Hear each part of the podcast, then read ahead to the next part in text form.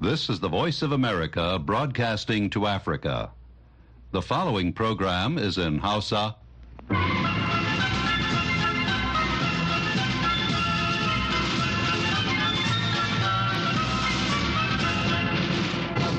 Sashen Hausa na murya Amurka ke magana daga nan birnin Washington DC.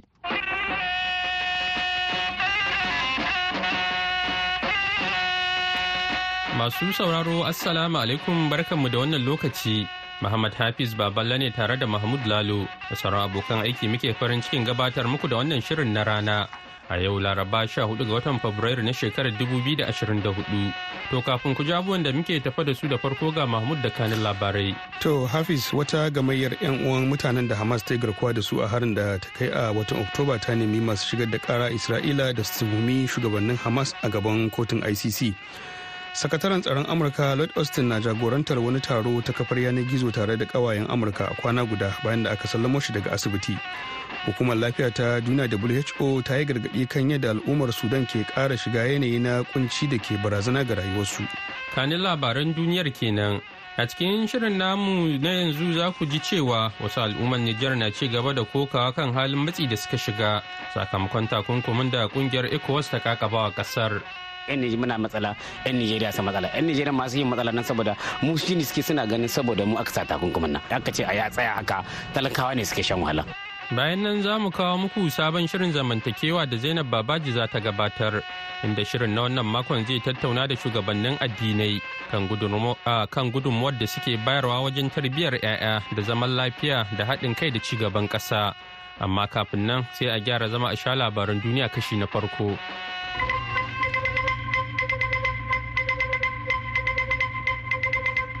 To jama'a assalamu alaikum. Wata gamayyar 'yan uwan mutanen da Hamas ta yi garkuwa da su a harin da ta kai a watan Oktoba ta nemi masu shigar da kara a Isra'ila da su tuhumi shugabannin Hamas a gaban kotun hukunta manyan laifuka ta ICC.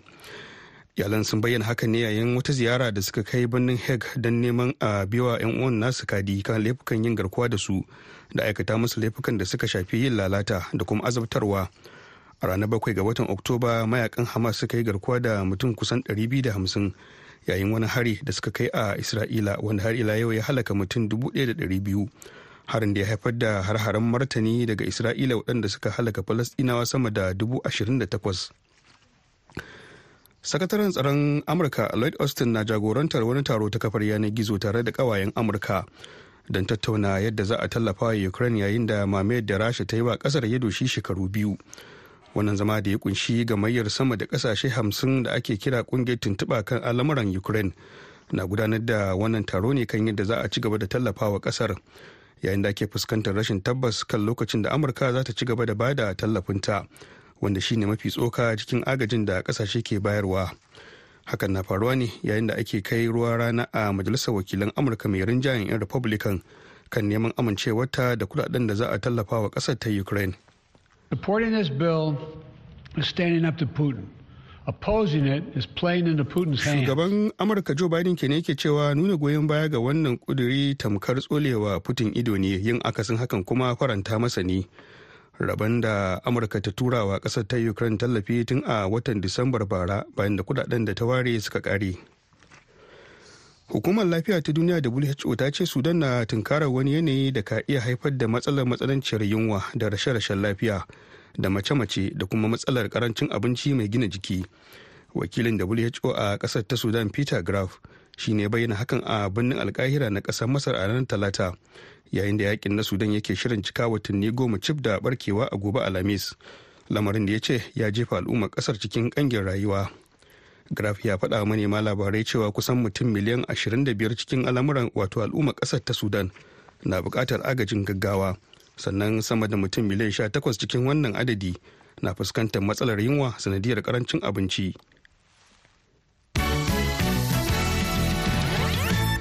To madalla kafin ku je karashin labaran duniyar za mu fara kawo muku rahotonmu na farko. Wasu al'ummar jamhuriyar Nijar da wasu 'yan Najeriya da ke zaune a jihar Difa waɗanda ke gudun hijira sakamakon rikicin boko haram sun koka kan halin matsi da suka shiga sakamakon rufe iyakokin ƙasashen biyu inda suka yi kira da shugaban najeriya bola ahmad tinubu da ya duba takunkumin da ƙungiyar raya tattalin arzikin ƙasashen afirka ta yamma ecowas da kakabawa nijar tun bayan da sojojin ƙasar suka hambar da shugaba muhammad bazum daga kan karagar mulki a bara. Daga difa ga rahoton da wakilin murya amurka haru sula rashid ya aiko mana. A yanzu haka al'ummar jamhuriyar Nijar da na makwabciyarta tarayyar Najeriya. Na ci gaba da bayyana mawuyacin halin da suke ciki sakamakon yadda takunkumin ecos ke kara ci gaba da shafar hulɗar da ke tsakanin mazauna kan iyakokin ƙasashen biyu. Wani lamari dai ya faru ne tun bayan watanni bakwai da sojojin ƙasar suka hambar da gwamnatin farar hula ta bazum muhammad a ranar 26 ga watan julin da muka yi ban kwana da shi. To sai daga bisani waɗannan ƙasashe uku da suka hada da jamhuriyar nijar burkina faso da ƙasar mali da ke mulkin soja tuni suka jaddada aniyar su ta ficewa daga ƙungiyar sidiyawo ko ecowas. Sanadiyar matsin lambar da ƙasashen uku suka ce an yi musu shine ba bisa ka'ida ba. Sashin hausa na muryar amurka ya zanta da waɗansu 'yan ƙasar ta nijar musamman ma na jihar difa da ma 'yan asalin ƙasar ta najeriya da rikicin ƙungiyar boko haram yasa suka bar matsugunan su da neman mafaka a nan jihar difa. Sun bayyana ra'ayoyinsu game da wannan mataki na ecowas suna masu cewa sunana abdurrahman a asalin jihar difa a jamhuriyar nijar mu yanzu nijeriya tsakanin mu da ita su yi ƙoƙari a gyara takunkumin nan da ake. An samu shi cikin matsala. Mu 'yan nijeriya muna matsala 'yan nijeriya sa matsala. 'yan nijeriya masu yin matsala nan saboda mu shi ne suke suna ganin saboda mu aka sa takunkumin nan. Aka ce a ya tsaya haka talakawa ne suke shan wahala. Shi tunugu yanzu shi da shugaban kasa na jamhuriyar nijar wannan su diba su gani su ga kukan talakawa. Malam bukar abba malam kilakan komin gudumariya a jamhuriyar nijar shugabannin mu matakin da suka ɗauka wannan za mu koma noman mu irin na da na kiwo. Akwai sauran ƙasashen laraba ba najeriya kadai muke makwabta da ita ba ko benin. Muna da sauran ƙasashe kenan in hagu yakiya za mu koma dama. Malam muhammadu muhammadu mu matsayin yan najeriya ne kuma rashin daɗi ya koro mu can muka zo nan. Mun samu yanzu matsin lamba sosai. Ya shi tunubu ya yi ƙoƙari su gera tsakanin su har mu samu ma koma kasan mu kafin mu koma kar mu samu matsala. Musa hassan to mu gaskiya yan hijira da muka gudo daga najeriya muka zo niger tinubu su koma da niger su shirya mu kukan da muka kawo gare ka kai shugaban tinubu. Saboda shi ne zai kawo illa talakoki su da bakawunan su. Ya tuna da yan najeriya can fa mutanensa ne yan najeriya kuma sun zaɓe shi don ya jagorance su a mulki don abun ya kyau. To koya masu sharhi kan lamarin yau da kullum ke kallon hulɗar da ke tsakanin Nijar da Najeriya tsawon shekaru da dama. Sabanin yadda ake ganin dangantakar da ke tsakanin ƙasashen biyu ta fara ja baya sosai. Tambayar kenan da newa Alhaji Usman Manga Isufu da ke zama shugaban ƙungiyar farar hula ta MPCR a nan jihar Difa ya yi ƙarin bayani yana mai cewa. Nijeriya da Nijar wannan al'umma ce guda nasaru suka zo suka raba su. Tunda lalle mu nan a difa muna iya ce akwai jama'a najeriya wadda suke nan a niger. Ka gani ba yau ba suke cin kasa su 'yan gudun hijira akwai wadda suke na hashe da shekara goma. Sun tsallako don saboda sun tsammani akwai 'yan uwansu wadda suke nan. Kaga kuma ai an karɓe su hannu biyu an ba su wuri sun zamna fiye da shekaru barkatai. Bancin haka niger da nigeria an yi hulɗoɗi da yawa. Kaga lokacin da su wannan faransan su ne suka so su raba najeriya lokacin biya fara wannan. Lokacin jori ya aka yi ai jori ce baya yiwa nijar da nijeriya duka ɗaya suke. Kaga nijar ta kai ɗoki aka ci yaƙi na biyafara ba a samu ba aka raba nijeriya shugabannin wannan kiran da zan musu su yi yadda za su kawo su goge kukan talaka. To sai duk da hakan 'yan ƙasar Nijar da ma na tarayyar Najeriya na fatan ganin an shawo kan wannan matsalar da ke faruwa tsakanin ƙasashen biyu ta hanyar cire takunkumin da ƙungiyar ECOWAS ta kakaba jamhuriyar Nijar wanda hakan zai ba su damar tafiyar da al'amuran su yau da kullum kamar yadda suka saba yi a baya. Harusular Rashidu muryar Amurka daga Difa a jamhuriyar Nijar.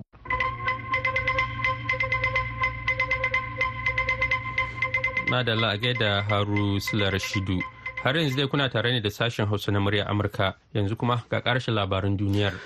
ta ƙungiyar tarayyar turai ta eu ta kudura niyyar sake kwance damara da kuma tsugunar da tubabbin mayaƙan boko haram a ƙasashen yankin tafkin chadi kamar yadda za ku ji a wannan rahoto da hassan mai kai ne aiko mana daga abuja wanda ya fara da tattaunawa da wasu daga cikin tubabbin mayaƙan na boko haram farkai a yana da na kai yaki? Yaki na da yawa ne. A najeriya ma na yaki a kamarun ma na yaki.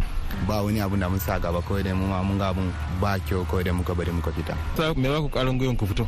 Eh karin gwiwan da abin da sa mu fito wannan ba gaskiya ba ne zahiri kowa riga nuna. Eh to shine abin da ya fitar. Wasu daga cikin tubabbin mayaƙan boko haram kenan yayin da nake tattaunawa da su a ƙasar kamaru. Tuni da tarayyar turan ta dora wa wani kwararren baturen faransa alakin jagorantar wannan aiki.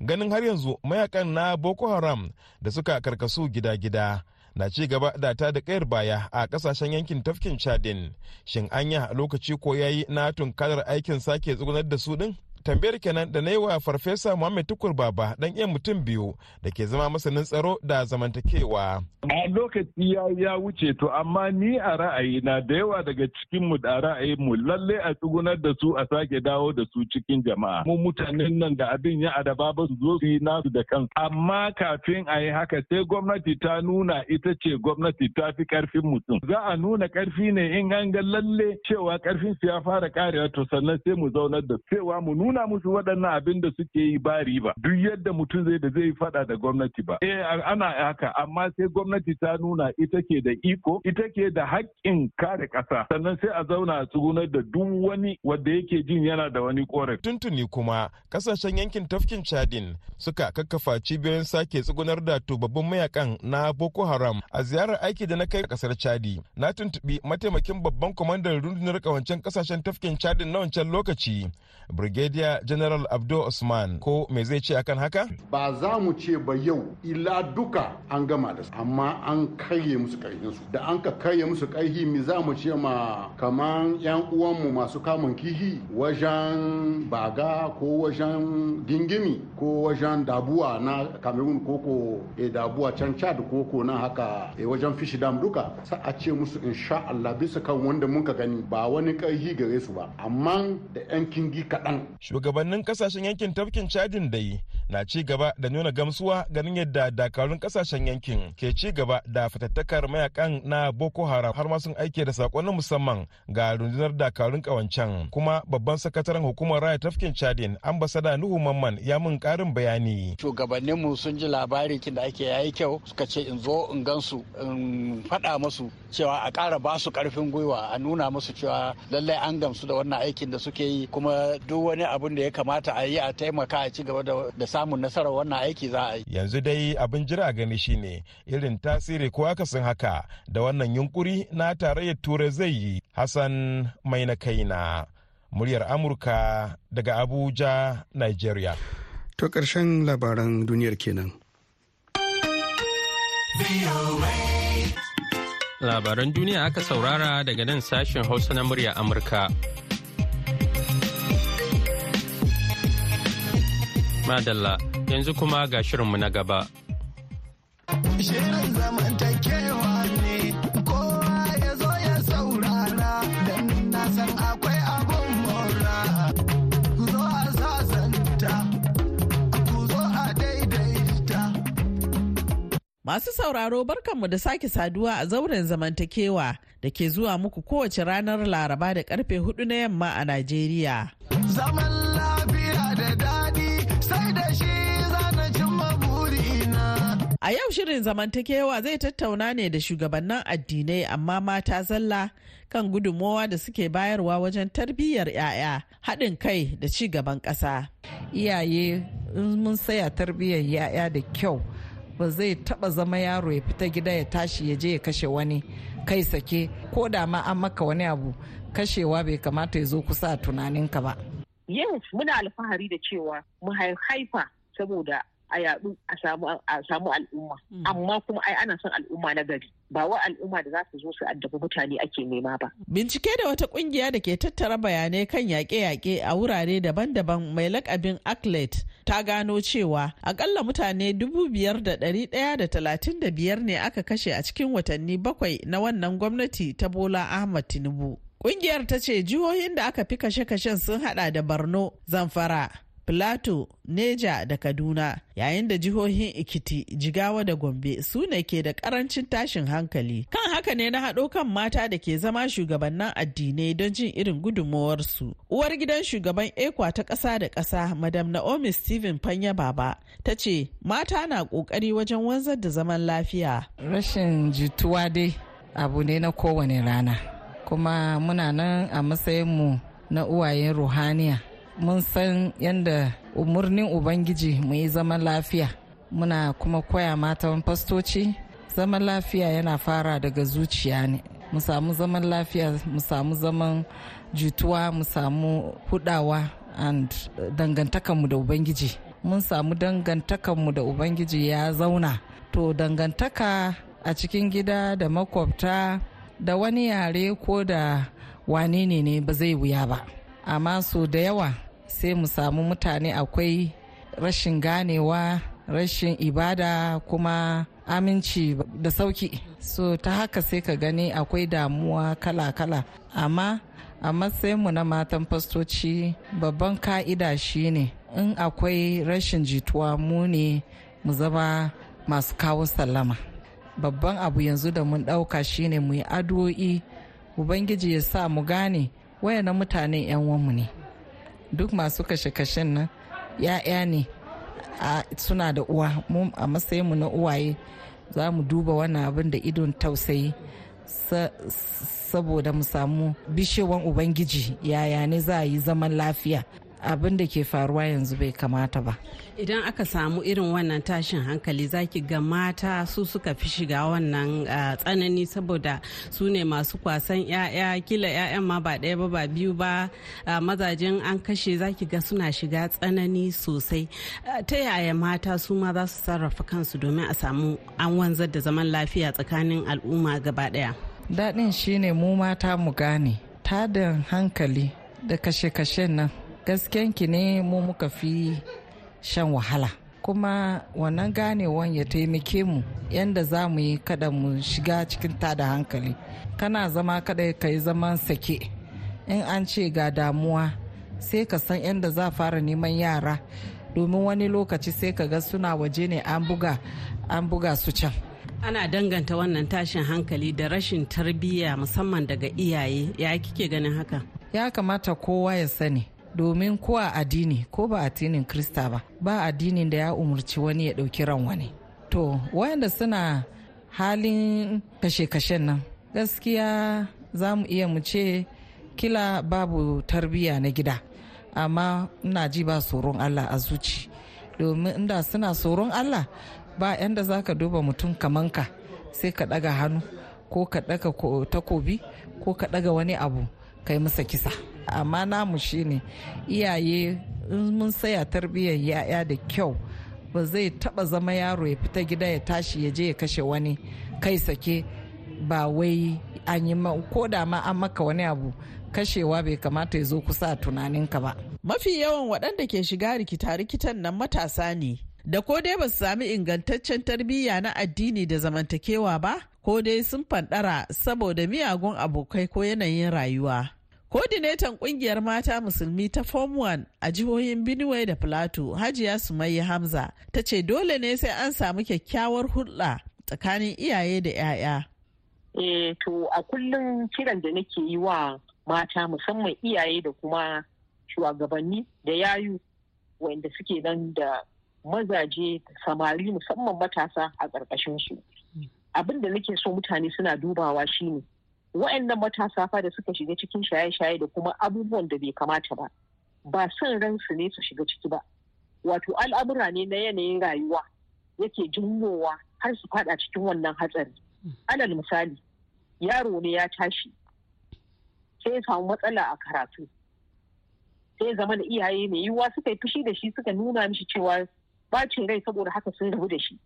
To idan aka rabu da shi titi kenan za su kula da shi.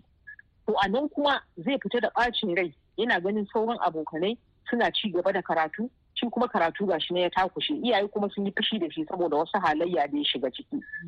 To nakan gaya ma mutane idan iyaye ba su zo sun tare wannan gurbin su duba su ga ta wani hanya za a tallafa a mai da yaron makaranta. Ko da ko da ya ci makarantar ne ko kuma ya faɗi jarabawa. Akwai hanyoyi da yawa da za a nuna musu mahimmancin karatu. Don su koma su yi karatun. Idan ba a yi wannan ba to a cikin jama'a za a samu ire-iren su wanda sun fada cikin hatsarurruka na shaye-shaye. Za su nuna ma yaran nan cewa to ai in ka sha wannan ma hankalinka zai kwanta. To daga farawa haka suke shiga cikin shi ya zama kuma da akwai wahala kafin su zo su bar shi. So maganan iyaye fushi da ɗa bai taso ba. Kuma ko ba ɗan da ka haifa ba. Duk wani ɗa da ka gani a mu da yadda muka tashi duk ɗa da ka gani ɗa na kowa ne. Kuma duk abin da ɗa yake yi wani na gaba da shi yana da right ɗin da zai mishi faɗa kuma iyayen shi su amince. To idan muka ɗauki wannan haɗa hannun kamar yadda da ake na tarbiyya to ina ga zai taimaka mana ƙwarai da gaske. Amma musamman iyaye su ja 'ya'ya jikinsu su zama abokanan hiransu su zama abokanan shawararsu. Kar a waje ne za su samu abokanan hira da abokanan shawara. To a nan ne mummunan shawara yake shigowa har su shiga waɗansu halaye wanda ba su da amfani a cikin al'umma. Idan kika duba yadda Najeriya ta kusan za a ce ta fashe ne idan aka yi la'akari da irin bambance-bambance da rashin zamantakewa da muke fama da shi a cikin jihohinmu a cikin unguwanni a cikin tsakanin kudu da arewa da gabas da yamma za ki ga ana ta nuna yatsa ma juna ba tare da an yi la'akari cewa ya kamata mu samu wannan zamantakewa ba. Yaya za a samu zamantakewa mai fa'ida tsakanin 'yan kudu da arewa a tsakanin musulmi da krista da dai sauransu. To abin da nake so mutane su tuna shi ne dukkan mu halittar ubangiji ne. Allah bai nuna bambanci bisa halittar da ya mana ba. Kuma krista da musulmi Allah ya saukar mu annabawan mu da muke biyayya da abubuwan da suka kawo mana na saƙo. Allah ya saukar mana da su sannan kuma dukkan mu mun san cewa wa'annan annabawan Allah ne sun kuma kawo littattafai. To idan muka zauna muka duba cewa wannan krista ne wannan musulmi ne to mu dinga tunawa cewa duka mu halittu ne na ubangiji. Sakonnin da suka zo mana sun zo ta hannun annabawan Allah. To saboda haka mu martaba junanmu idan krista ne ya martaba musulmi.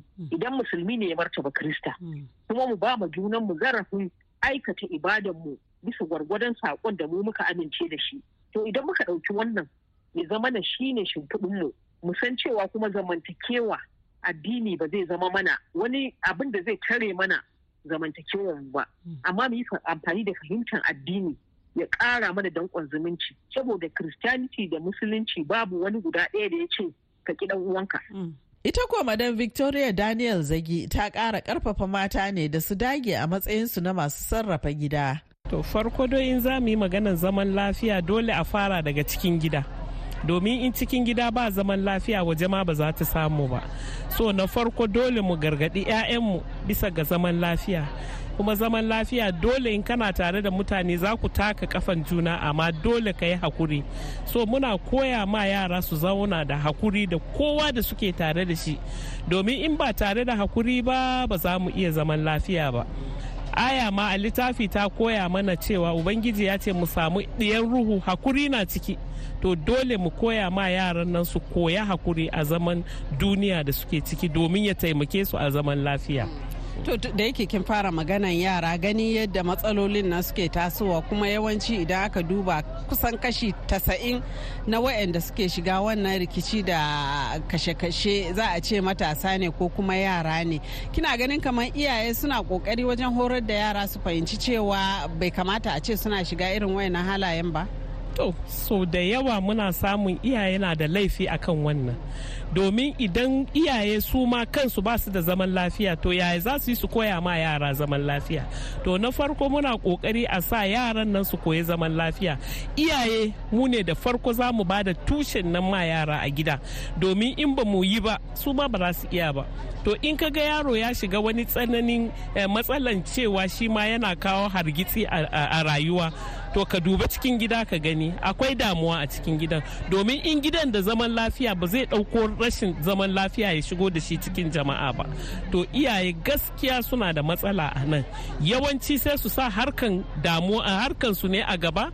Ba su koya ma yara a gida ba balle yaro ya tashi da tarbiyyar cewa zai koyi zaman lafiya. To iyaye ya kamata gaskiya su yi hankali domin mu koyar ma yaran mu tarbiyyar zaman lafiya domin komi ya tafi mana tare. Da idan kika duba yadda yanzu an samu rarrabuwar kai musamman 'yan kudu da arewa 'yan gabas da yamma addinin krista da musulmi dai gaba ɗaya dai kowa an hargitse duk abin da ya taso sai kiga an danganta shi da irin wayannan kabilanci da addini da sauransu. Me kuke yi a matsayinku na matan fastoci ko kuma masu shugabannin addinai na ganin cewa wato an fahimci juna an inganta zamantakewa? A da babu wannan bambance-bambance. Muna zaman lafiya tare da musulmai da krista da kowa. Amma yanzu wataƙila masu eh, siyasa suka ɗauko wannan suka kawo mana domin ya sa mu kawo bambanci tsakaninmu. To idan za mu duba da kyau mu gani zaman lafiyan nan shi zai taimake mu don mu muna faɗa tsakaninmu. Sai mu dubi sama mu gani su suna haɗe. Ba wani bambanci tsakanin su 'yan siyasa. Amma sai ka ga mu muna rabe a wurin mu to ya kamata mu duba. Idan su sun haɗa kanmu mu me yasa mu ma ba za mu haɗa kai? Kar mu biye ma shawarar da suke ba mu ba.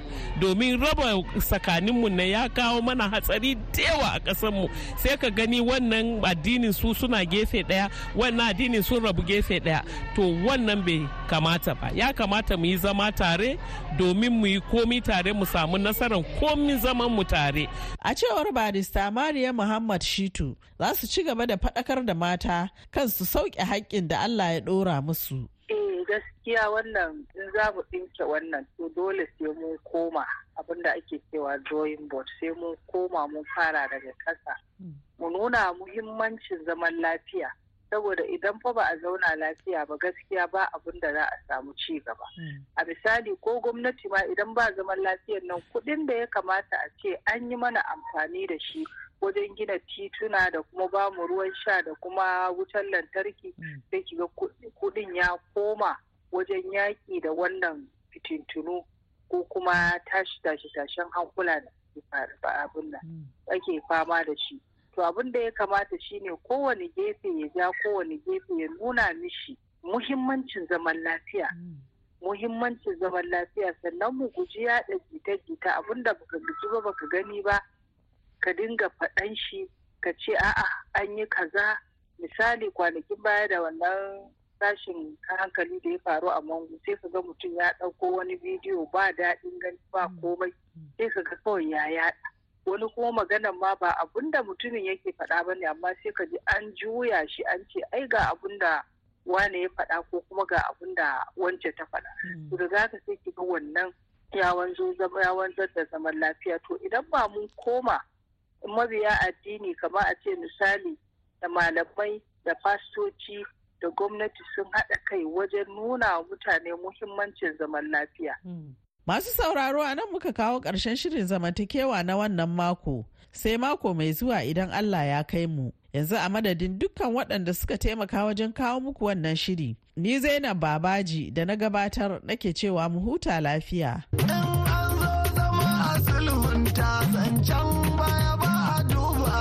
Gaida Zainab Babaji, yanzu kuma ga labaran duniya a taƙaice. To wata gamayyar 'yan uwan mutanen da hamas ta yi garkuwa da su a harin da ta kai a watan oktoba ta nemi masu shigar da kara a isra'ila da su tuhumi shugabannin hamas a gaban kotun hukunta manyan laifuka ta icc iyalan sun bayyana hakan ne yayin wata ziyara da suka kai birnin hague don neman a biwa 'yan uwansu kadi kan laifukan yin garkuwa da su da aikata musu laifukan da suka shafi lalata da kuma azabtarwa. A ranar bakwai ga watan oktoba mayaƙan hamas suka kai garkuwa da mutum kusan 250 yayin wani hari da suka kai a isra'ila. Wanda har ila yau ya halaka mutum 1,200 harin da ya haifar da har-haren martani daga isra'ila waɗanda suka halaka falastinawa sama da 28,000 sakataren tsaron amurka lord austin na jagorantar wani taro ta kafar yanar gizo tare da kawayen amurka don tattauna yadda za a tallafa wa ukraine yayin da mamayar da rasha ta yi wa ƙasar ya doshi shekaru biyu. Wannan zama da ya ƙunshi gamayyar sama da ƙasashe hamsin da ake kira ƙungiyar tuntuɓa kan al'amuran ukraine na gudanar da wannan taro ne kan yadda za a ci gaba da tallafawa ƙasar yayin da ake fuskantar rashin tabbas kan lokacin da amurka za ta ci gaba da ba da tallafinta.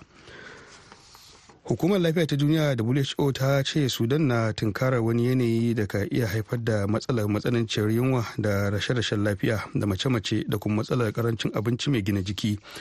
Wakilin who a ƙasar ta sudan peter gaf ne ya bayyana hakan a jiya talata. Masu sauraro da takaitattun labaran muka kawo ƙarshen shirin a wannan lokaci.